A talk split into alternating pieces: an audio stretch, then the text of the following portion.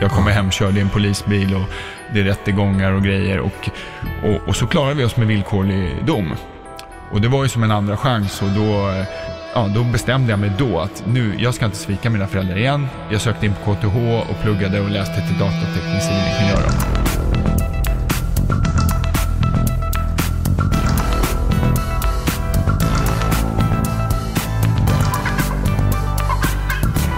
Hej och välkomna tillbaka till podden Smile. Mitt namn är Smile och mitt mål med den här podden det är att ha inspirerande samtal med inspirerande gäster som kan hjälpa dig att ta din träning, hälsa och karriär till nästa nivå. Vi spelar ingen tid och går vidare till att presentera dagens gäst som är mångsysslare utan dess like. Han är VD för Twingly, professionell rugbyspelare och kanske mest känd som pansar i Gladiatorerna. Jag säger välkommen till Peter Blaha. Tack, tack. Så- jag är dock inte VD på Twingly längre. Är inte det? Nej, det var, Jag, jag var lite osäker Ja. på den. ja, det var fyra år sedan faktiskt. Men eh, jag slutade. Okej, Mm. men uttalar jag efternamnet rätt? Yes, eh, Blaha, det är tjeckiskt. Mina föräldrar är från Tjeckien ursprungligen. Ah, Men jag, är född i Sverige. Ja, okej, okej. Kan du tjeckiska? Eh, ja, det kan jag. Kan Ah. du? Nej, jag är, jag, jag är född i, i Bosnien, är jag född. Ja. Men det är inte så jättelångt ifrån. Forna Jugoslavien var det då. Nej, precis. Jag tror man kan förstå några ord i alla fall. Det är, så, det är slaviska väl? ja, eller? exakt. ja. Men då, då kan jag nog förstå några ord. Mm. Mm. Men jag har faktiskt aldrig varit i Tjeckien. Eh, Men eh, jag läste i en intervju att du fick väldigt mycket, kan man säga, skit för efternamnet när du var liten. Ja. Och jag känner igen mig i det eftersom jag heter Smile och eh, också blev ifrågasatt än idag om jag verkligen heter Smile och, Ja. och, och när man var liten så kunde man bli lite retad för det. Nej, men så var det. Jag var ganska mycket rättad. Alltså för den här accenten som gör att det ska vara blaha, det långa a, den försvann. Den fanns inte ens i systemet då, när man eh, skrev ut mina föräldrars Ja. namn. Så att det blev blaha. Och då blir det ju blaha, blaha. Det är ju väldigt lätt att reta någon som heter blaha och eh, alla upprop i skolan så bara, ah, Peter blaha och så skrattade alla. Eh, så då, då, ja, men bara där vart man ju liksom utpekad direkt, bara på ett upprop med ett konstigt namn. Och, Ja, och då var det många som eh, började mobba mig för det och hade inga vänner liksom, ända upp till högstadiet någonstans. Det Så. är så, men var, var, fanns det ingen annan som också hade ett unikt namn? Nej, alltså jag är ju född 77, så när vi flyttade till Hässelby då, det var ju inte alls så. Alla, alla andra hette ju liksom Andersson och Svensson Okej. och Jonsson. Det är inte som idag när det finns väldigt mycket konstiga namn, utan det var väldigt speciellt. Det var bara jag som inte var med svensk bakgrund i klassen, mer eller mindre. Kanske Ja. fanns någon till här och där, men inte alls på det sättet som, som det är idag. Så i, idag är det mycket lättare att heta något annorlunda än vad det var då. Liksom. Jag ville ju byta namn, det var ju så illa. Liksom. Ja, precis. Idag hade det nästan varit lite coolt, eller hur? Ja, men nu tycker jag det är coolt. Alla Ja. vet vem jag är och, och det är ett unikt namn. Det är bara vi som heter, det är bara min familj som heter Blaha i Sverige. Och, så det är, självklart finns det ju, jag ser bara fördelen i det nu, att ha ett unikt namn. Då blir man ihågkommen och då kan man utnyttja det i både i karriär och i, i allting liksom. För att är man unik så syns man liksom. Är man som alla andra så försvinner man i mängden. Ja men precis, jag håller med där. Jag kände exakt samma sak. När jag, när jag var liten så kunde jag stundtals ifrågasätta mina föräldrar, varför fick jag namnet Smile liksom? Men sen nu i efterhand så skulle jag aldrig vilja byta det. Nej. Men det är precis som du säger för att eh, Men du får, måste ju vara glad alltså. Ja exakt, det är det. Jag måste Du kan aldrig vara sur. Nej, exakt. Det, Då är du körd. Ja men precis. Men jag, för att jag är uppvuxen eh, eh, på Rosengård och där hade, hette i princip ingen Andersson i efternamn. Nej, så exakt. där var det lugnt att heta Smile. Ja. Det var ju först när jag bytte skola till en skola där, det, där jag i princip var den enda med utländsk bakgrund och ett annorlunda namn. Det är då det blev en grej Ja, för att. Mm. det blev, man, man, man var lite av en alien liksom Mm. så här. Men hur eh, kom du in på kampsport? För du började på karate som väldigt ung, eller hur? Ja, jag började på karate och eh, det var för att jag tittade väldigt mycket på Van Dams filmer. Jag såg allt han gjorde. Jag kollade mycket på eh, eh, Bruce Lees filmer. Jag kollade mycket på Dolph och Arnold och det var mina förebilder. Jag, alltså jag hade som pojkdröm att bli actionskådis i, i Hollywood. Det var liksom min, min dröm från början. Eh, nu kommer jag inte dit, men jag har ju ändå spelat lite action på TV, så Men lite så halvvägs. Du är, du är på väg, man vet aldrig. men eh, så, och då tänkte jag liksom, okej, ska jag jag menar, de kunde ju sparka och, och vara viga och göra alla de här coola kickarna som, som man ser de gör i sina filmer. Och då ville jag lära mig det. Det var inte svårare så. Så jag, ja, en kille började på på karate helt enkelt och gick där i 5-6 år. Sen så tröttnade jag eh, lite grann. När jag började styrketräna och spela rugby sen så, så tog det över liksom. Men Yeah. eh, det var därför jag började på karate. Ah, Okej, okay, okej. Så när du slutade på karaten, då höll du på med styrketräning och rugby? Då Ja, det kom igång. Först började jag med, jag höll ju på med mycket idrott. Alltså idrott har ju varit en jättestor del av mitt liv och jag håller fortfarande på med en typ av idrott då, som är crossfit idag. Men eh, jag har liksom tävlat i skidor. Från att jag var egentligen tre år så började jag åka skidor och tävla fram tills jag var 19. Parallellt så höll jag på med fotboll, jag testade lite pingis ett tag, jag testade brottning, testade aikido och sen så eh, kom karaten in och så körde jag den i 5-6 år. Och hela tiden skidåkningen också då vid sidan om och fotbollen. Så det var liksom mycket sporter hela tiden. Och sen så eh, någonstans i högstadiet så då var, det, var mobbingen ganska hård ett tag där och, och eh, det var många som retade mig. Jag fick lite stryk på skolgården någon gång. Och då kände jag att det var en kille i nian som försvarade mig en gång och han var vältränad. Och jag såg ju upp till alla de här vältränade actionskådisarna också. Så jag tänkte så här, nej men nu måste jag börja träna liksom. Så någonstans där i eh, ja, nian, sjuan, åttan, nian, då började jag träna lite hemma. Började göra armhävningar, började göra sit-ups, köpte en sån här fjäder, började Ja, träna ja, med exakt, den. exakt. Jag vågade inte gå till gymmet för jag trodde jag skulle bli utskattad liksom. Nej. Så jag körde hemma i, i ett, ja men nästan två år innan jag satte min fot på, på första gymmet. Och då, då fick jag upp lite fysik liksom. Jag, jag började bli lite bitig och eh, då sen när jag började gymnasiet, då hade jag gymmat i ett år har fått upp fysiken rätt bra, så jag var ändå, eh, under nollningen där så hade jag ändå hyfsat fysik. Det var många som kommenterade det då. Ja. Och där fanns det ett rugbylag på gymnasiet. Så då fick vi testa rugby på skolans eh, idrott, för rugbylaget var grundat av idrottsläraren. Ah, Okej. Eh, Red Saints rugbyklubb då hette den. Och då testade jag rugby på, på idrotten och det passade mig bra. Jag var liksom, ja, i, ja, inte rädd för att ta smällar, Nej. gillade jaga folk, tackla dem och eh, fysiken då som jag hade byggt upp hjälpte till liksom. Ja. Så då, då fortsatte jag med rugbyn och satsade på den och fortsatte med styrketräning. Ah, så det var okej. så jag började med träning. Det var förebilderna och sen att kunna försvara mig själv liksom. De Ja. två grejerna kan man säga. Ändå en sjukt bred variation av olika sporter liksom. Från eh, längdskidåkning var det eller? Nej, utförsskidåkning. Ut- Utförsskidåkning till karate, till rugby. Ja, pingis. Pingis. Ja, det, och, och jag tror att det, om alla föräldrar som lyssnar, låt barnen testa så mycket som möjligt. Ja. För alla har en träningsform i sig som de älskar. Jag hade skidorna länge, nu har jag crossfiten, jag hade rugbyn. Hade inte jag fått testa alla de här sporterna så kanske inte jag hade hittat att jag älskade rugby. Och då hade jag kanske inte tränat idag Nej. och varit som de som inte rör på sig. Ja. Så att ju fler idrotter man får testa som barn, desto större chans att man hittar den man brinner för och desto större chans att man rör på sig rest- resten av livet. Ja, Så det är superviktigt att låta barnen, ja men jag vill testa, Ja, men låt dem testa. De kommer själva säga, tycker de inte är kul, Ja, man, man lär ju märka det. ja man märker. För vissa är det styrketräning, för andra är det liksom ridning eller fotboll. Alltså, Ja. Bara du rör på dig tre gånger i veckan så mår du ju hundra gånger bättre än de som inte gör det. Precis. Ja, jag hade, jag hade lite turen att jag började på fotboll när jag var fem och det var min grej. Ja, Men när man hade spelat det i, det i 10 år, från liksom 5 år till 15 och man kom vid det här vä- klassiska vägvalet när man blir typ 15, ja men ska man satsa på det här, då måste man ju liksom börja tänka på hur man hur, hur man äter, när Ja. man lägger sig och allt sånt här. Mm. Eller ska jag fortsätta vara liksom, eh, men ska jag få vara en typisk vanlig ungdom ja och gå ut och festa och jag var liksom de här grejerna. Och Mm. det var där jag kände efter tio års tid bara, ah, jag är lite trött på fotbollen. Mm. Eh, men som, som du själv sa, att innan du började styrketräna så tränade du hemma Mm. i två års tid. Mm. Gjorde exakt likadant. Jag tränade ju liksom hemma i två års tid, armhävningar, sit-ups.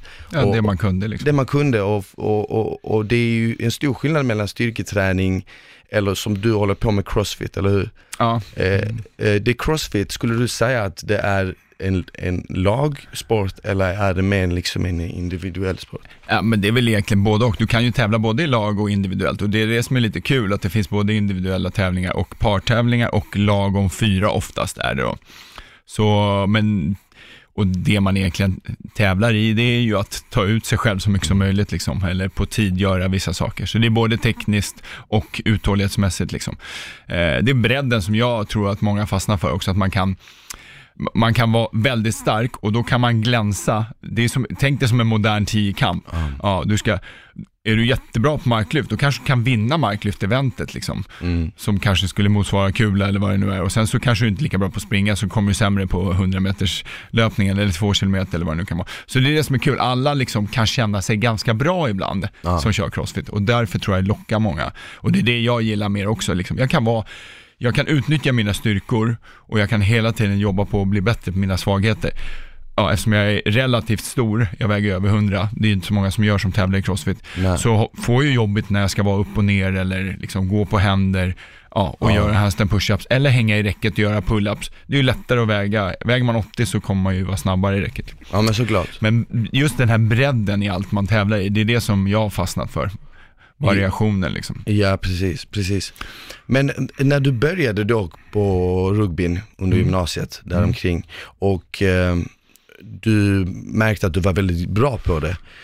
Var det samtidigt då som all den här mobbingen började avta, ja. eller hade det redan liksom försvunnit innan dess? Nej, men det, när jag började med rugbyn där, då var ju mitt första år på gymnasiet och då var det en ny skola, jag hade fått upp lite fysik och jag märkte att ju större jag blev, desto mer respekt fick jag. För ja. ser man stor ut, då vågar, även om han har ett roligt namn, så vågar jag inte skratta riktigt. För om han skulle kanske slå mig, ja. så är han ganska stor. Då kommer jag ont. Det är så jag tror folk reptilhjärnor funkar när de ska reta någon. Ja. Så en liten, lite försvarslös som ser rädd ut är lättare att reta än en större Yeah. som ser lite eh, respektingivande ut. Så det började avta tack vare det och sen så i rugbyn, eftersom jag direkt visade att shit, den här killen verkar ju bra, liksom. jag hade talang. Ja. Då får man ju också vänner, Exakt. eller hur? Så fort, om någon är duktig på ja. fotbollen och bra på att dribbla mm. eller hatta, då ska alla hänga med honom och ja. tycker det är coolt. Så det var lite så, ja, men jag var ganska duktig på rugby och jag kom med i juniorlandslaget efter ett år. Jag spelade rugby ett år, så kom jag med i juniorlandslaget. Och och där, där var det lite tuffare klimat och så där var jag lite, lite retad, men liksom jag kunde ändå hela tiden hävda mig med min fysik och med min prestation och då fick jag vänner tack vare det. Så det avtog sakta där i, i gymnasiet tack vare egentligen rugbyn och att jag styrketränade och blev större. Ja, precis, precis. Vad skulle du säga skiljer rugby från andra sporter om det finns en grej som liksom gör så att rugby sticker ut lite? Eh, men det är väl att det är en ex extrem lagidrott. Alltså man är 15 stycken i, mm. i samma lag och, och, det är väldigt viktigt att man är samspelta. Att det är väldigt många som ska vara samspelta samtidigt. För du försvarar ju ett attackerande lag som också är 15 personer.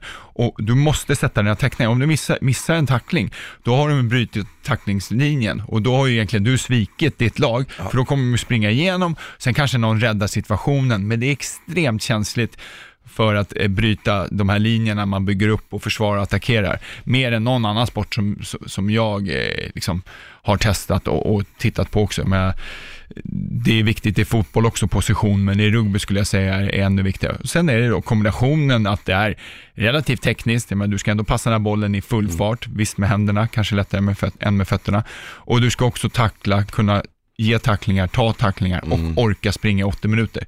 Så det är en väldigt eh, allround fysiksport liksom. Ja. På ett annat sätt än om du jämför med amerikansk fotboll så har du ju en offense och en defense där offense, eh, ja, kanske är byggda på ett visst sätt och defense är större och ska försvara, ja. offense är mindre och ska kunna springa och vara smidiga. I rugby behöver du ju både attackera och försvara, så det okay. blir en annan fysik. Så, liksom. så, så, så i rugby eh, så ska varje person egentligen kunna ta varje roll i laget. Det är det bästa såklart. Sen har man eh, specifika roller också. Är man stor så gör man vissa uppgifter.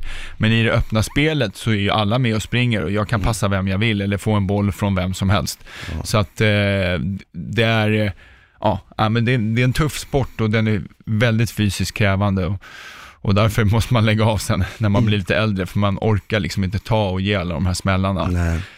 Precis som med vilken kampsport som helst egentligen. Ja. Det är ju en typ av kamp där ute liksom. Ja, precis. Jag läste i en intervju att när du var ung så hamnade du i ett dåligt umgänge ett tag.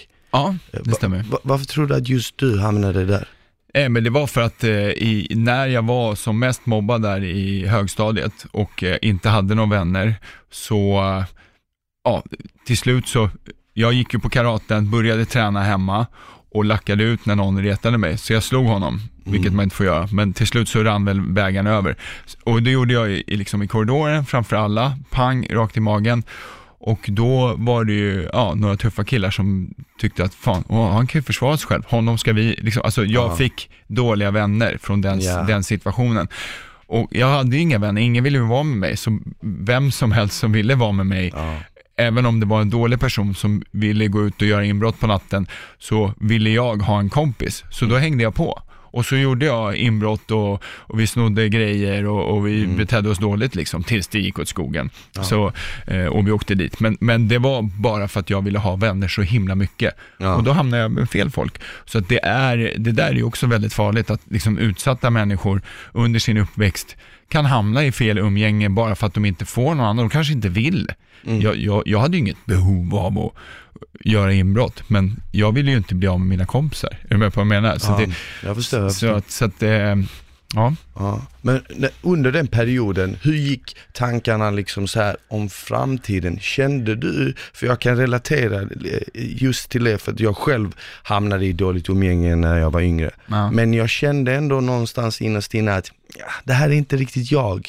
Nej. Och Ja, det var nästan, nästan lite som du säger där att Ja men det hade kunnat vara vem som helst och jag hade liksom hängt med de personerna. Mm. Så, men man kände att jag har inte valt det här sällskapet utan det är nästan som att de har valt mig. Ja, lite så. Och sen framförallt så jag hade jättesvårt att säga nej i, under den tiden i mitt liv för att jag hade, det var liksom ingen som ville vara med mig och, och jag ville verkligen vara alla till lag. Så om någon ville va, vara min kompis och frågade, ja ah, men du kan inte du göra det här eller kan inte vi göra det här? Jag, jag vågade inte säga nej, för om jag sa nej så trodde jag att jag skulle förlora dem. Ja. Och jag har fortfarande jävligt svårt att säga nej till mina barn och, och liksom, de bara, pappa kan vi inte göra det här? Och jag, ja, men jag har svårt att säga nej, för jag vill vara till lags. Och i ett sånt umgänge, då är det ännu sämre att inte kunna säga nej. Alltså, men fan, nej men vi ska inte göra det, det är inget bra, det förstår ni väl? Ja. Liksom, jag vågade inte, jag klarade inte det. Utan jag bara hakar på. Sen så, jag menar, ja, man tänkte ju inte på konsekvenserna, man tänkte, nej men vi klarar oss väl, det är lugnt liksom. Ja. Det var ju så man tänkte, man, man såg ju inte nästa steg och vad, vad det kunde vara. Sen jag pluggade ju, jag skötte mig i skolan och båda mina föräldrar var ju civilingenjörer, utbildade. Eh, och så, så min målbild var ju hela tiden att plugga vidare. Det hade mina föräldrar liksom sagt. Vill du bli något i samhället, vi som kommer från ett annat land, vi har inget gratis. Du måste plugga vidare. Ja. Så var det. Så det kom ju hela tiden hemifrån samtidigt som jag gjorde de här dumheterna på fritiden. Då. Och sen när jag åkte fast och satt häktad och då kom ju tankarna där och bara okej, hur kommer det här sluta nu? Nu har jag liksom svikit mina föräldrar, de har, sett, de har ju inte sett någonting av det här och så får de det här liksom, jag kommer hemkörd i en polisbil och det är rättegångar och grejer och, och, och så klarar vi oss med villkorlig dom. Och det var ju som en andra chans och då, ja, då bestämde jag mig då att nu, jag ska inte svika mina föräldrar igen. Jag sökte in på KTH och pluggade och läste till datateknisk civilingenjör då. Mm. Så att jag också blev, eh, ja, och sen, sen dess har jag gått den banan, alltså Ja, eh, jag har haft ett arbetslivsmål egentligen ja okej. och, och kört den ärliga banan. Ja, precis. Vad kul att du säger att det var just dina föräldrar som fick dig, ja men gav dig inblicken att det här liksom måste jag komma ur. Mm. För det var exakt samma sak för min del. Det var först när jag liksom såg eh, all den stressen de fick gå igenom som jag kände att wow, vad fan det här, det här är faktiskt, det här tär på folk jag älskar. Och det är nästan det man behöver ibland för att inse hur fel man gör. För att vid den åldern, nej men typ så här 14, 15, man har inte det här konsekvenstänket. Nej. Utan man tror att, ja men det, kom, det här är inget konstigt, det kommer att lösa sig liksom. Ja, Man fattar inte hur mycket man sårar dem liksom. Precis. Och det, ens föräldrar kommer ju alltid förlåta en, så är det ju. Men det kommer ju göra jävligt ont och det är ju viktigt att man tänker på det. Men man tänker inte på det när man är i den åldern. Man, man är väldigt egoistisk och bara eh, ja, tänker på sig själv och sina vänner och fattar inte liksom hur mycket det plågar, precis som du säger, de anhöriga. Liksom. Så eh, Ja. Nej men så är det och för, för, för att någonstans så har man ju själv, eller tror man ju själv att Eh, precis som du sa, om man inte har många vänner så tror man ju att det här är de enda vännerna jag har. Om, om jag förlorar dem så kommer jag ju vara ensam. Ja. Och jag är, Så hellre, jag är hellre liksom i skiten än ensam. Ja. För ibland är det kanske ännu värre liksom. Men så, så du kommer in på rugbyn, börjar spela det, eh, bygga upp en fysik, börja träna. Var det det som ledde dig till gladiatorerna Ja. på sätt och vis? Yes, så eh, samtidigt som jag började, Eh, så den här skiten hände då under gymnasiet, men jag fortsatte, ja, det löser sig. Jag fortsatte plugga och spela rugby och träna och det är det jag gör liksom och blir större och större. Och sen efter gymnasiet så gör jag lumpen i Arvidsjaur som eh, Norrlandsjägare. För det var det som var bland det tuffaste som fanns Mm. och jag ville utmana mig själv. Ja, så då gjorde jag det och där bara, vi låg ju, ja jag låg som prickskytt, så vi sköt mycket. Var du jägare i Norrland? Ja, precis. Det måste varit jävligt kallt Ja, stundtals. det var kallt. Det var så här, jag tror det som kallas hade vi så minus 54 tror jag, när Nej. vi skulle ligga och vakta över, vi hade en uppgift på en övning, att vi skulle ligga och spana över en väg. Om det kom något fordon skulle vi rapportera in det. Okej. Och så byggde vi i en, och det var som en liten svacka ner i en dal. Ja. Så det var som en köldgrop. Så vi skulle bygga en sån här bivack, alltså man gräver ner sig i snön och sen ett hål och så var vi sex stycken som skulle ligga och titta över den här vägen Okej. i, i 48 timmar. Shit. Och det var fem, 50 minus ungefär. Eh, så vi la alla sovsäckar vi hade, sex stycken, i varandra. Så att den som låg i den här iglon skulle kunna ligga där i en Ja. timme och titta utan att frysa ihjäl.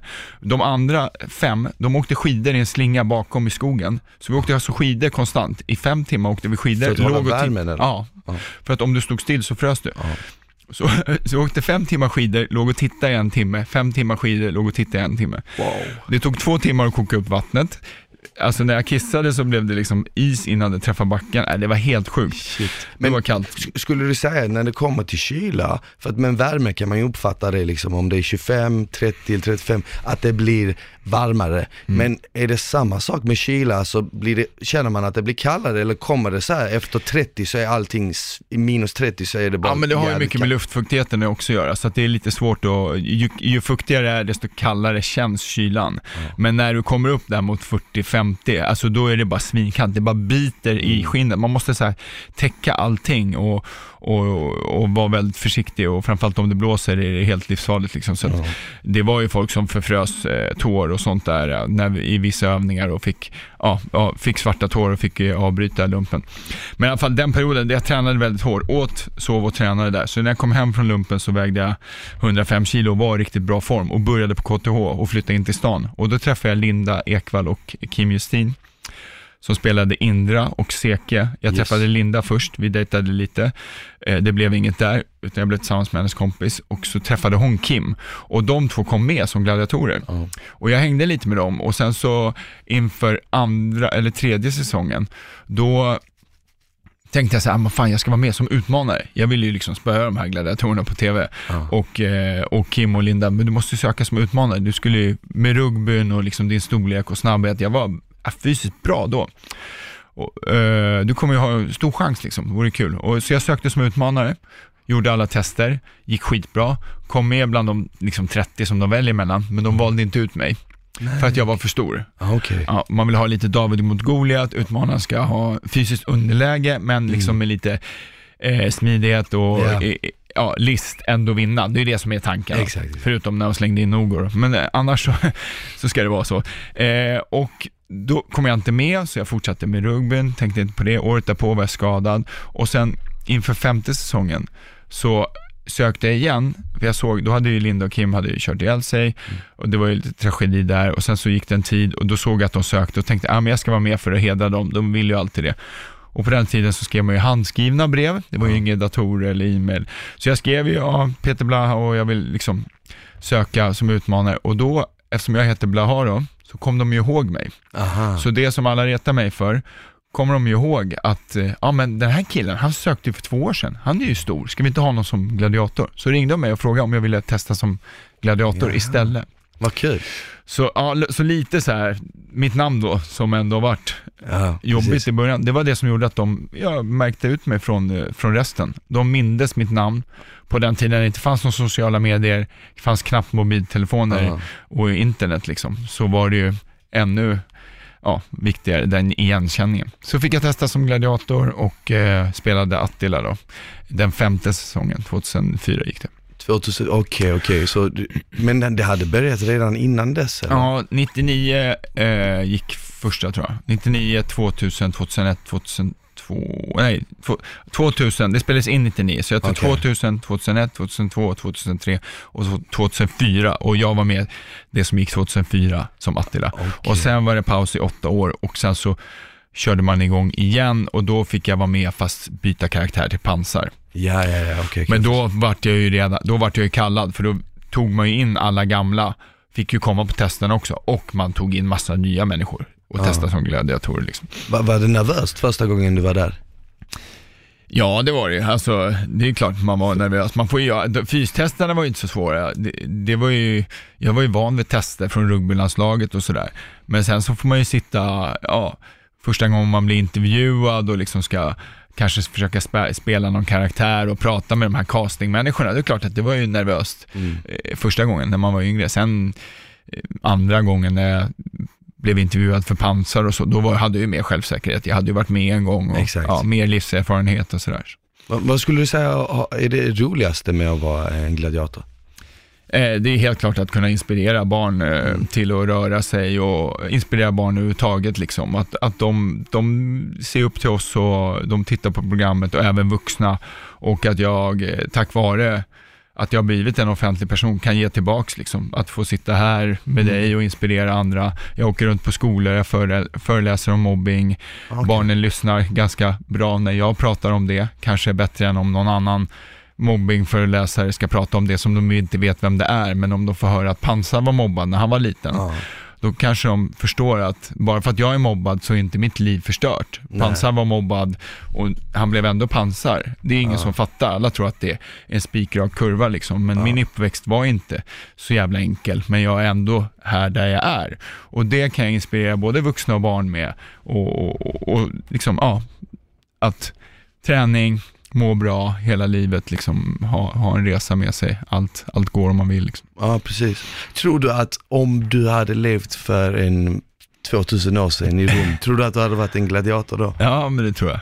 Det är så? Ja, ja, lätt. Men, för, Alltså när man ser den filmen, man bara, ah, där, ja, där, ja. ja, ja, de, de blir ju lite så här, de glorifierar det ju på ett sätt och vis. Men Ja. sen samtidigt så måste Jag det tror det också inte vara... var så, Jag- så nej, glassigt. så- jag tror många dog. Ja, exakt, jag tror inte det var så glamoröst. Nej, det tror inte jag heller. Men, eh, men hur tränar du inför, tränar du extra hårt inför en säsong eller försöker du liksom träna fem, sex gånger i veckan året runt? Eh, jag körde, oh, som mest när jag körde så körde jag typ 8-9 pass i veckan, för jag körde fem styrkepass och sen körde jag tre rugbypass och sen körde jag match på det. Så att det blev, ett tag var det väldigt mycket. Och då, och det är så höll jag ju på när jag började i gladiatorerna och även nu när jag spelade pansar. Så det enda jag gjorde var väl att träna lite mer grenspecifikt. Alltså jag, jag ökade inte volymen men till exempel för att bli bra på attackboll så måste man vara bra i sidled, så då kanske jag tränar lite sidledsförflyttningar, jag tränar lite så här, ja, fotlederna är ganska utsatta på den här mattan, man springer runt både i rekylen och man ska springa på den här hängbron. Så, så jag började träna lite saker som gjorde att jag inte skulle skada mig där, för det är fysiskt tufft att spela in de här programmen. Man spelar in två om dagen. Ja, Liksom. Okej, Så man spelar in sju program på fyra dagar, sen har man en paus och sen sju program. Så att ha, okej. ha, om inte liksom lederna är beredda på alla de här förflyttningarna och grejerna man ska göra, då, då skadar man sig. Sen eh, senare säsonger fick jag börja köra lite ringarna och sådär. Mm. Och då började jag hänga också eh, på gymmet. Ja, bara hänga statiskt Ja. i armarna. En arm, två armar, försöka ackumulera kanske 7, 8, 9 minuter hängtid. Så att lederna skulle vänja sig vid att hänga. Så att när jag sen svingade ut i programmet skulle jag inte skada mig. Liksom. Nej, Så sådana grejer började jag göra. Men grundfysiken och träningen, den behöll jag ju liksom. Rugby och styrketräning var det jag körde. Hur, hur kör du nu då, liksom, när, om man ska säga off-season, men när det inte är aktuellt att spela in något? Nu kör jag ju rugby, så nu, eller vad säger jag, inte eh, nu kör jag ju crossfit på Crossfit. heltid. Ja, jag har slutat med rugby sen eh, typ 3-4 år tillbaks. Okej. Så jag kände att kroppen orkar inte riktigt. Så nu kör jag crossfit och det kör jag ja, det är den träningsform jag kör och i crossfit så är det ju styrkelyft av olika slag och eh, kondition och gymnastik. Så det är de grejerna jag kör. Mm. Så jag kör mycket med skivstång, tunga lyft. Jag försöker lära mig stå på händer och göra masslaps i ringar och, och räcke och, ja, och hålla uppe min kondition och därmed min fysik. Liksom. Så Mm. Jag, jag har en coach som programmerar mig, som jag köper programmering av. Så han skriver vad jag ska göra och det är det jag gör. Okej. Hur många pass eh, blir det i veckan då nu för tiden? Fem pass i veckan är väl det jag klarar av, så jag får dra ner lite liksom. Eh, Jag, behöver, jag kan träna två dagar, vila en och sen kan jag träna tre dagar, lite beroende på hur, hur hårda passen är och sen vila en och sen kan jag börja om då. Så fem pass, men jag är ju 42 också så det börjar bli gammal. Aha, Så men måste man dra ner lite på volymen, det är väl det jag har märkt. men, men du, du måste ju också känna, eh, nu när du sa det, att du är 42, du måste ju också känna att träningen på något sätt har hjälpt dig att hålla, men hålla dig pigg liksom. Ja, absolut. Jag kommer ju alltid träna. Alltså, Jag eh, funkar inte om inte jag får träna och ju hårdare jag jobbar som nu när vi liksom har flyttat upp och jag har haft både husbygge och flytt och, och mina bolag att ta hand om. Har jag inte liksom hittat tid att träna så har jag, har jag blivit mer stressad och fått mindre gjort. Ja. Så jag måste lägga in träningen varje, inte varje dag, men de dagarna jag ska träna. Det får ta en timme, en och en halv, för gör jag det så blir jag effektivare och det sämsta man kan göra är att ta bort träningen. Visst, måste, måste man ta bort ett pass en dag, absolut. Ja. Men generellt ska du hålla dina pass för att det ger så mycket energi, du blir effektivare, du får mer gjort om du håller i träningen. Så att säga, jag hinner inte träna, det är egentligen den sämsta ursäkten som finns, för träningen kommer skapa tid genom att du blir effektivare. Ja, Så du hinner alltid att träna. Det handlar bara om att prioritera. Ja. Sen kan det uppstå saker, jag måste dra och hämta min dotter, hon är sjuk. Okej, Mm. jag får skita i mitt pass. Fine. Men då kan jag gå ut och springa på kvällen när min fru kommer hem. Eller hur? Det går Ja, alltid precis. lösa. Så prioritera träningen, det är Ja. superviktigt. Det är, nästan som, det är nästan som att du, du, du sätter dig i en bil som kör mycket fortare och kommer fram mycket snabbare fastän du liksom eh, Ja. åker en mindre sträcka, Ja. en kortare tid. Mm. Men eh, hur ser kosten ut i dagsläget då? Eh, Jag kör eh, generellt periodiskt fasta, vilket betyder att jag äter allt inom 8 timmar och sen så fastar jag i 16 timmar tills jag börjar äta igen. Okej. Och det funkar jättebra för mig. Jag har kört det nu i 8 år. Du har kört det så pass länge, Ja. men har du kört det slaviskt under åtta år eller har du haft perioder? Mer eller mindre. Så jag kan, alltså de enda uppehållen jag har haft, det har ju varit kanske om jag är på semester med min familj eller om jag är på någon resa. Och då måste jag anpassa mig efter att maten serveras klockan 12. Då får jag äta med alla andra. Liksom. När jag kör mina träningsresor så bryter jag ju fastan och sådär. Men eh, jag kanske fortfarande inte äter frukosten. För jag, jag tycker det funkar väldigt bra för mig att vakna och på tom mage, köra igång, börja jobba, jag är effektiv på morgonen, jag vill träna på tom mage, jag känner mig lättare och snabbare, explosivare. Det är så, men hur känner du rent energimässigt, orkmässigt? Känner du, känner, du känner dig ändå stark liksom? Ja, allt har ju med hur jag åt igår att göra. Så åt jag bra igår, åt jag Ja. min, alla kalorier jag skulle och jag också åt rätt kalorier, alltså långsamma kalorier, bra fetter, bra protein, då har ju det legat under natten i tarmsystemet, energin har tagits ut, fyllt på i muskeldepåerna, bilen är fulltankad. Och varför ska jag då på morgonen gå upp och tanka en fulltankad bil? Den energin jag äter när jag vaknar, den kommer ju bara gå till spillo, den kommer ju lagras någonstans. Så äta en stor frukost, det finns ingen mening. Alla tror jag skulle tjäna på att jobba minst en timme och sen äta.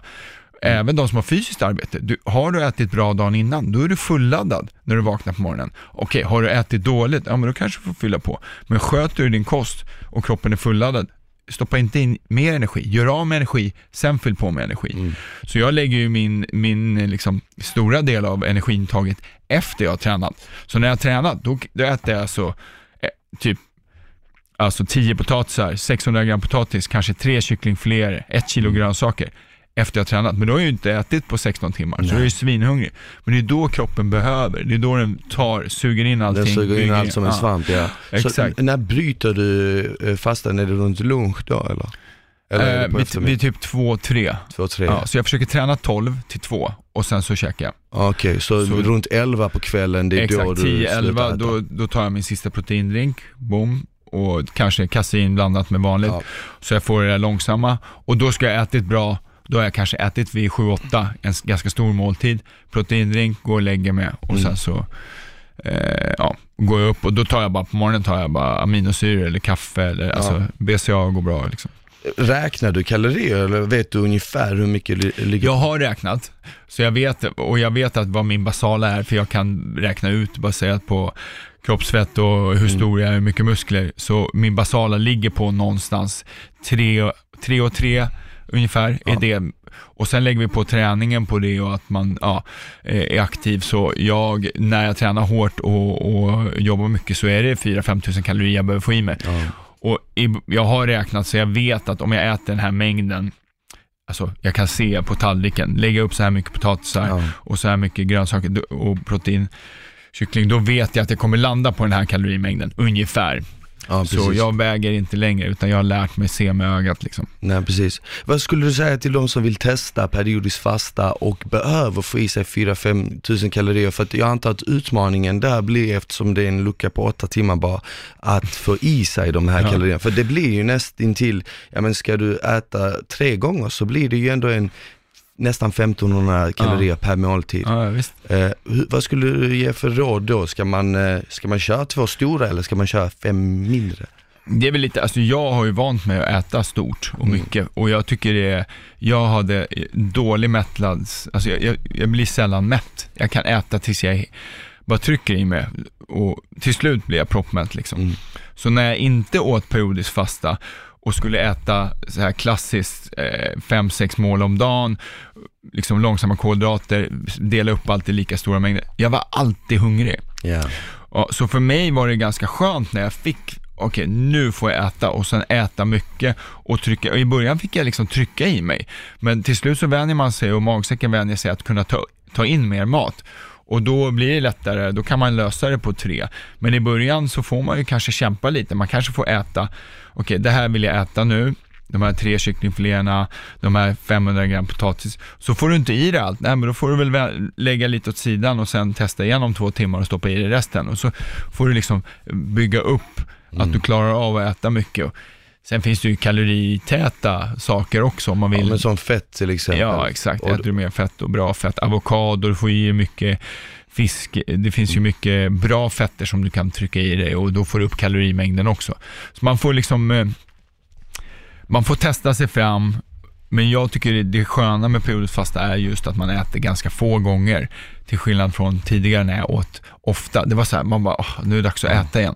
Får ju fan inget gjort på jobbet liksom. Nej, nej. Man ska hålla på och äta hela tiden. Jag har inte den livsstilen. Jag måste jobba hårt också. Ja. Och då är det skönt att bara lägga bort kosten, jobba hårt, träna. Okej, nu kommer kosten, nu ska jag äta. Och så äter jag. Boom, nu har jag ätit och då kan jag jobba igen. Då har jag två, tre timmar på mig, fyra timmar som jag kan köra igen. Och jag är klar med träningen, jag har fått energi från den. Så för mig passar det jättebra in i hur jag lever liksom. Och det, det må, där är individuellt. Jag menar, jag jättemånga, jag föreläser om det här också och, och pratar mycket om periodisk fasta när jag föreläser på olika gym och för företag och må, många som säger, ja men jag har ett fysiskt jobb, funkar det för mig? Ja, då kanske inte periodisk fasta är det rätta Nej. liksom. Alltså det passar inte alla. Nej. Och många tjejer mår inte bra utan kolhydrater. De har ett annat kaloribehov Mm. över 24 timmar än vad kanske killar har. Min fru har testat, det funkar inte liksom. Så det är inte för alla. Men ska man testa så måste man ge det en chans att göra det i tre månader. Så bryta, liksom, Mm. sluta äta frukost i tre månader. Då kan du sen avgöra om det passar dig eller inte. Liksom. Ja. Jag, eh, jag har faktiskt testat periodiskt fasta bara för att jag gillar att testa olika, liksom, eh, olika dieter eller olika Mm. träningsformer, allt möjligt. Det är bra att testa, då lär man känna sig själv. Men exakt, och jag, jag ska vara ärlig, jag tyckte att eh, det funkade bra. En sak som jag la märke till var att jag var mycket mer fokuserad eh, på arbetet. När jag väl satt mig på kontoret och skulle jobba så var jag lite mer laserfokuserad på det. Det var inte min, min, eh, för, eh, min, nu vet jag inte om jag har ADHD eller ADD eller något sånt, men eh, tankarna kan lätt springa iväg. Ja. Jag kände inte att det hände i samma utsträckning när jag körde periodiskt fasta och jag kan tänka mig att det har att göra med att man kanske inte har lika mycket eh, bränsle i liksom tanken så att hjärnan fokuserar på arbetet framför dig bara, Mm. eller? Kan, Ja, kan det vara absolut. så? Ja, men jag, jag känner likadant, jag har ju någon slags diagnos. jag har ju inte gått till någon doktor liksom, men min fru säger att jag har garanterat någon släng av ADHD. Och jag känner likadant, att jag, ja, men när jag bestämmer nu är det fasta, eh, nu, nu ska du jobba liksom. Det blir en helt annan fokus. Jag, har, jag kan få jäkligt mycket gjort under morgonen, eh, och, precis som du säger, så att jag Mm. upplever samma sak. Så har man, det kan vara så att har man lite mer åt ADHD-dragen, ADHD ska man ju också, eh, jag läste en bok om det nyligen eh, som heter Fördel ADHD och, och det är inte så här, antingen har man ADHD eller så har man inte det. Det är en gråskala. Ja, men det Alltså, tror jag också. Visst, det finns de här längst ut på skalan som behöver medicin, men sen finns det alla däremellan som också har Ja. de dragen, som kanske inte behöver medicin, men de måste hitta sitt sätt för att de ska kunna leva och anpassa samhället. De kanske har svårt att sitta till still i skolan och, och inte kan läsa. eh, Och så- jag hade problem med liksom vissa grejer i skolan, Mm. men jag var skitbra på andra. Ja. Och det, det har med det här ADHD-genen att göra som jag har i mig till en viss grad. Ja. Och då kan periodiskt fasta vara ett sätt som funkar. För alla de, som säkert du också, jag måste strukturera min dag. Jag, när jag, om inte jag har skrivit upp en eh, agenda inför Ja. morgon när jag går och lägger mig, då kan inte jag sova. Nej. Jag somnar inte. Tills jag tar upp min telefon, skriver ner agenda, okej det här ska du göra när du vaknar, bam, bam, bam, bam, bam, bam. de här ska jag ringa, det här. Och då, det är samma med eh, periodiskt fasta, det ger mig liksom en agenda, okej jag vet att jag inte ska äta frukost, jag vet att jag ska träna här och jag ska äta här borta. Då skapar det ett lugn i min ADHD liksom. Ja. Det finns en struktur. ja, men verkligen. Och den, Och, och jag, jag, jag, jag känner igen mig i det för att jag började för kanske ungefär två år sedan, så det var inte så länge sedan började jag skriva liksom en agenda. Det här ska du göra och, och skrev faktiskt ett dagsschema. Eftersom Aha. jag driver eget så skrev jag ett dagsschema när jag ska gå upp, när jag ska lägga mig, när jag ska träna. Och så fort jag började följa allt det så blev det så mycket mer man tror ju att man tror ju att man inte har något liv, men med disciplin kommer ju mer tid. ja. Man, man, folk kan ju tänka, "Vad fan, du, du bara tränar, äter, jobbar, har du inget liv liksom. Men det blir ju typ att ju mer disciplinerad jag blev, desto mer frihet hade jag på sätt och vis. Ja. För jag visste att, men exakt de timmarna om dygnet kan jag göra vad jag vill. exakt. Och Och man, man minskar ju stressen. Ja. Ofta är ju det här att om du inte har en struktur över dagen, då är det så här, jag måste göra allt det här. Det går inte. Och sen är du stressad redan när du har vaknat. Ja, Mm. Om du har liksom skrivit upp, ja men jag ska göra det här och det här. Sen när du har gjort typ tre av fyra grejer och jättemycket tid kvar, då får du en lättnad i kroppen istället. Ja, fan, jag har redan lyckats med alla de här grejerna. Och hinner man inte, men då skjuter man fram det till dagen efter. Så jag tror att det, det är snarare att det skapar ett lugn också. Exakt. En sak som jag också märkte av när jag körde, när jag testade periodiskt fasta. Nu har jag, du sa ju att man skulle testa det i tre månader, Mm. vilket jag inte gjorde. Men jag körde bara i typ två, tre veckor. Mm. Men fastän det var så kort period så märkte jag att jag tappade lite underhudsfett. Mm. Är det någonting som du har märkt av? För du har ju ändå hållit på i åtta år. Eh, har du märkt av att du har liksom minskat, eh, alltså tappat kroppsfett men ändå behållit muskelmassa? Ja, det var väl därför jag började med det från början, för att jag läste en eh, Lean Gains heter en kille som har en jäkligt bra hemsida om, om periodfasta. Jag läste på hans sida och det är Eh, det är just att man vill få ren muskelmassa. Man vill lägga på sig ren muskelmassa men inte fett och då ska periodiskt fasta vara bra.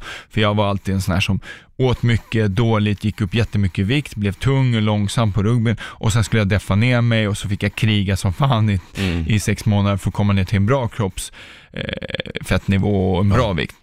Och då tänkte jag, ah, okej, men fan, går det här att göra med periodiskt fasta utan att behöva gå pendla upp och ner, då är det mycket bättre för min rugby.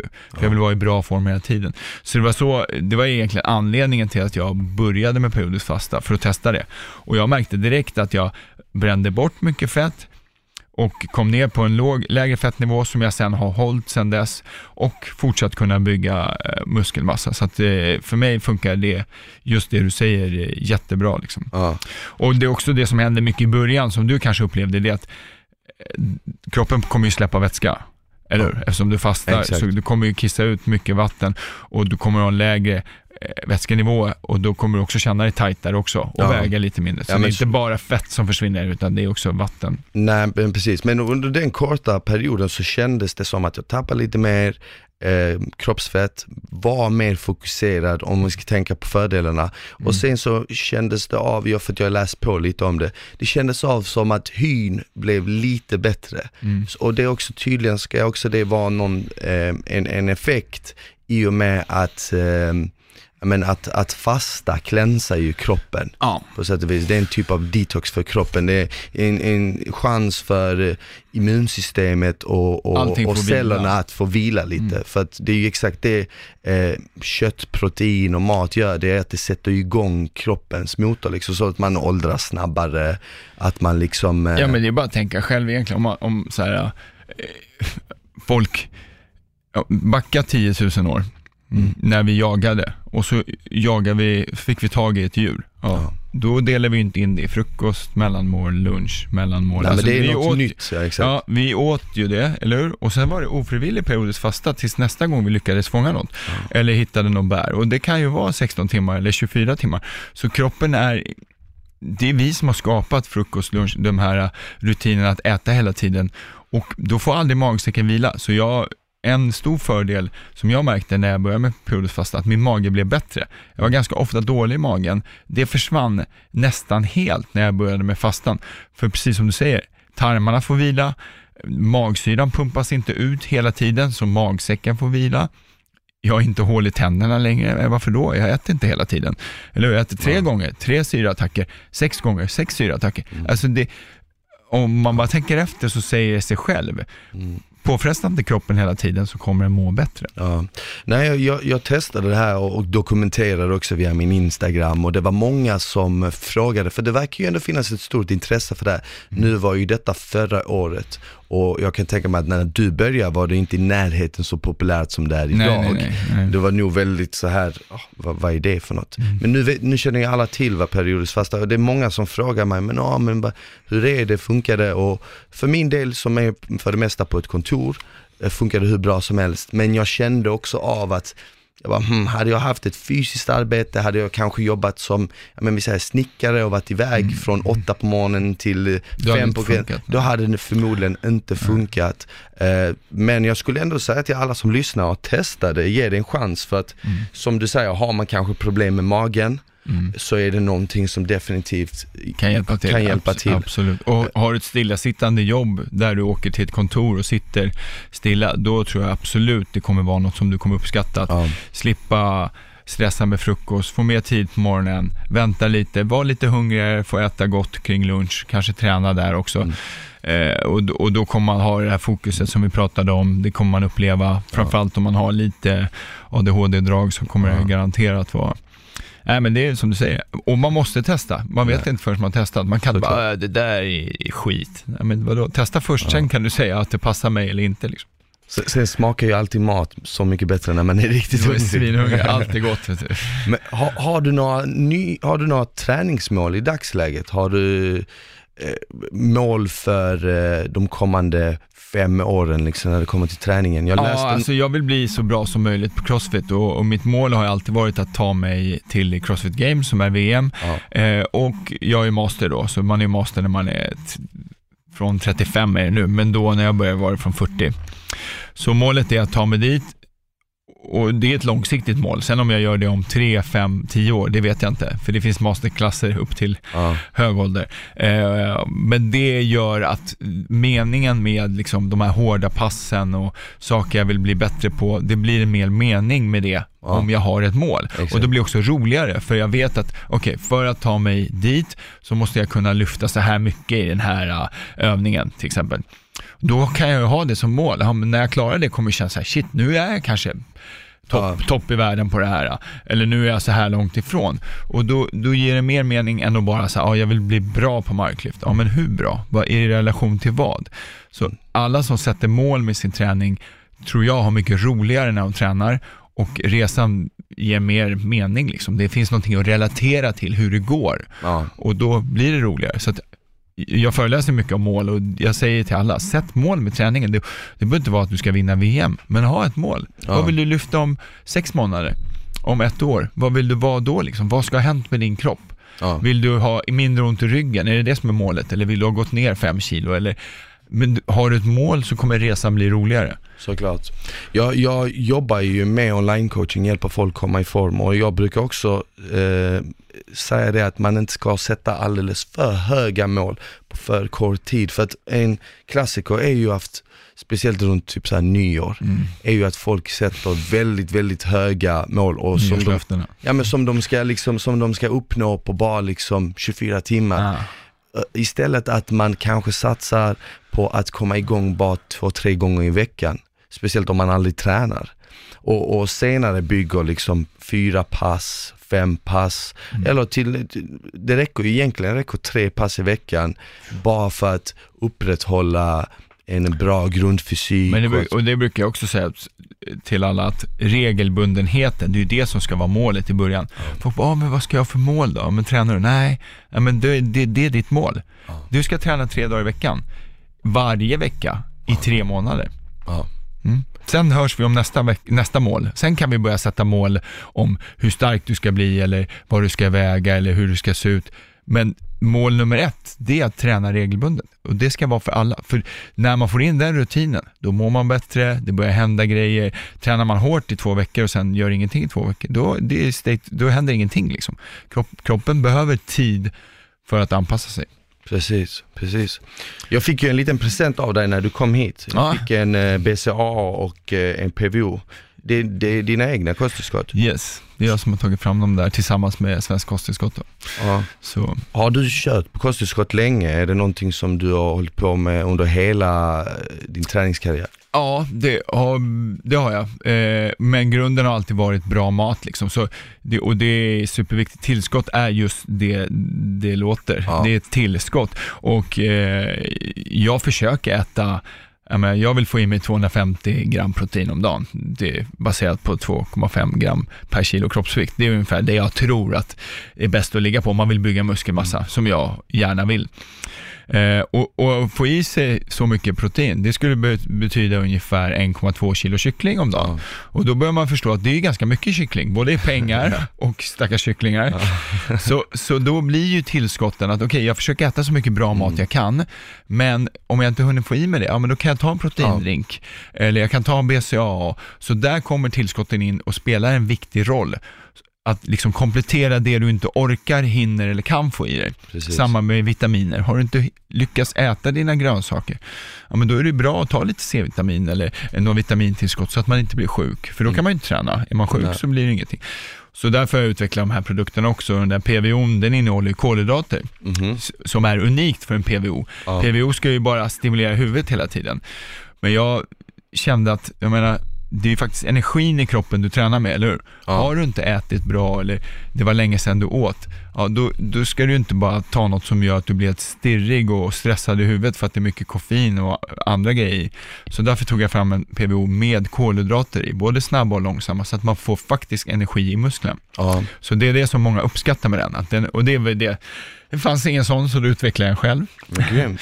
Och sen den andra produkten, det är ju en eh, produkt eh, som innehåller BCAA, Mm. kreatin och beta-alanin. Ja. Och eh, alla de tre delarna är bra att ta varje dag om man kommer fram till. Just kreatin bygger upp styrkan, beta-alaninet hjälper till med mjölksyreupptagningen och sen BCAA är ju då protein fast i en eh, ja, Mm. annan form. Liksom. Ja, oftast eh, folk som kör periodiskt fasta tillåter sig själv att dricka svart kaffe oftast under Ja, dagen. det är okej. Kör du, dricker du BCAA då? Ja, den där dricker jag på morgonen. Ja. Så jag, och sen kan man ju diskutera hur mycket energi det är om man bryter fastan, men jag dricker den eh, preloaden på morgonen, eller vanlig BCA. Mm. Och det har jag gjort under hela tiden jag fastar. Liksom. Jag ser inte att det är ett problem. Grymt. Men inga kalorier alltså, i- form av, ja, man får ju inte ha massa mjölk i kaffet, alltså då bryter man ju fastan, eller äta något som är kalori. Ja. Eh, ja, precis, precis. Och eh, vad kör du? Två, tre proteinshakes om dagen då ungefär? Ja, det blir ju mycket BCA både innan och efter träningen, så protein på kvällen framförallt. Alltså mer, Ja. då kanske vassla för att det mättar mer liksom. Ja. Så det blir lite så, eh, kan ta någon shake på dagen också mellan mina måltider. Men jag, är bara BCA fram till träningen och sen är det mat direkt efter träningen. Och sen är det proteindrink mellan mål 1 och mål 2 Mm. och sen är det på kvällen så är det proteindrink också innan jag går och lägger mig tillsammans med mitt tredje mål, vad man ska säga. Ja, grymt. Du har väl en blogg där man kan läsa Jag om... hade eh, en blogg, okej. ja, men den finns kvar, så man kan, jag har skrivit exakt hur jag käkar där. Och, och, och googlar man på periodisk fasta tror jag, så tror jag den kommer upp. Jag skrev ju ganska tidigt mycket om periodisk fasta, ett jättestort Ja. inlägg som har lästs av många tusen och eh, till och med var första sidan på Aftonbladet en gång där, när jag var med i. Gladiatorerna och de vill liksom säga, okej, hur, hur har du fått din kropp från så här till det här under Ja. den tiden? Och det var då jag började med periodisk fasta, som jag gjorde den här förvandlingen från att gå från att vara lite slät till att vara hård hela tiden. Ja, Så då vet jag, då skrev Aftonbladet om det och det var lite i början där med periodisk fasta.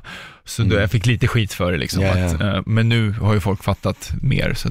Men, men googlar man periodisk fasta och mitt namn så kommer nog den, det inlägget in och där står faktiskt, hur jag äter idag än. Ja men vad grymt. Då kan folk, då kan ni gå in och, och, och så kan ni googla Peter Blaha och så kan ni skriva periodisk fasta, så kan man läsa lite mer om eh, Yes, exakt hur upplägget ser ut. Eh, Tips och grejer står där, så att det är bara att läsa det. Mm. Ja, super. Jag vill avsluta med en fråga som jag ställer till alla gäster. Det är att om du fick ha ett budskap på en skylt som miljarder människor skulle läsa, vad skulle det stå på den skylten då? Bra fråga. eh, jag har hur många budskap som helst som jag skulle vilja ge till en miljard. Nej, men eh, eh, mitt budskap skulle vara att vara snälla mot varandra. Tänk på vad ni säger till varandra, för ni vet inte hur den ni säger det till uppfattar det ni säger. Ja, exakt. Det är mitt budskap. Ja, det är nästan lite som att ofta ser man ju bara eh, toppen av isberget. Mm. Och det är inte bara när det kommer till karriär och liksom när det kommer till arbete, utan också när det kommer till människor. Vi ser ju oftast bara toppen av isberget som att vi ser bara skalet. Ja. Vi vet inte vad som händer under Och så till. säger du någonting och du säger det baserat på ditt första intryck av personen eller vad du ser eller vad han har på sig eller vad hon Ja. Och sen där bakom så finns det en helt annan människa som du inte har någon aning om vem det är och, och då, Mm. det är för många som inte tänker på det. Ja. Det är för många som bara, Och oftast kanske folk inte heller är ärliga med vad de känner av den anledningen, precis som du själv kanske när du var yngre inte var det, för att Nej. man inte vill tappa vänner eller i ett förhållande kanske man inte vill eh, att ens partner ska lämna en eller vad som Nej, helst liksom. Ja, grymt kul att ha dig här Peter. mm, tack för Verkligen. att jag fick vara med. Var kan man hitta dig eh, eh, på sociala medier? Instagram? Ja, Instagram, Peter Blaha heter jag där, så det är väl, ja, bästa kanalen. Eh, sen driver jag Crossfit Highway i Linköping. Jag kör ju också barnens hinderbana, så att, eh, eh, för barn. Och dem, så de två projekten, där hittar man mig också. Och, Okej, super. Och eh, mitt namn är Smile. Tack för att ni har lyssnat. Om det är några frågor ni har, tveka inte att skicka iväg ett mail till mig på smile.ptonline.gmail.com eller skicka DM till mig på Instagram, smile now. Och om ni vill ha fler grymma, inspirerande gäster så får ni jättegärna skicka in namnförslag och så löser vi det. Tack så mycket. Ha det Tack bäst. själva. Och jag lovar, han har smilat hela programmet här. det har han faktiskt. Han lever upp till namnet.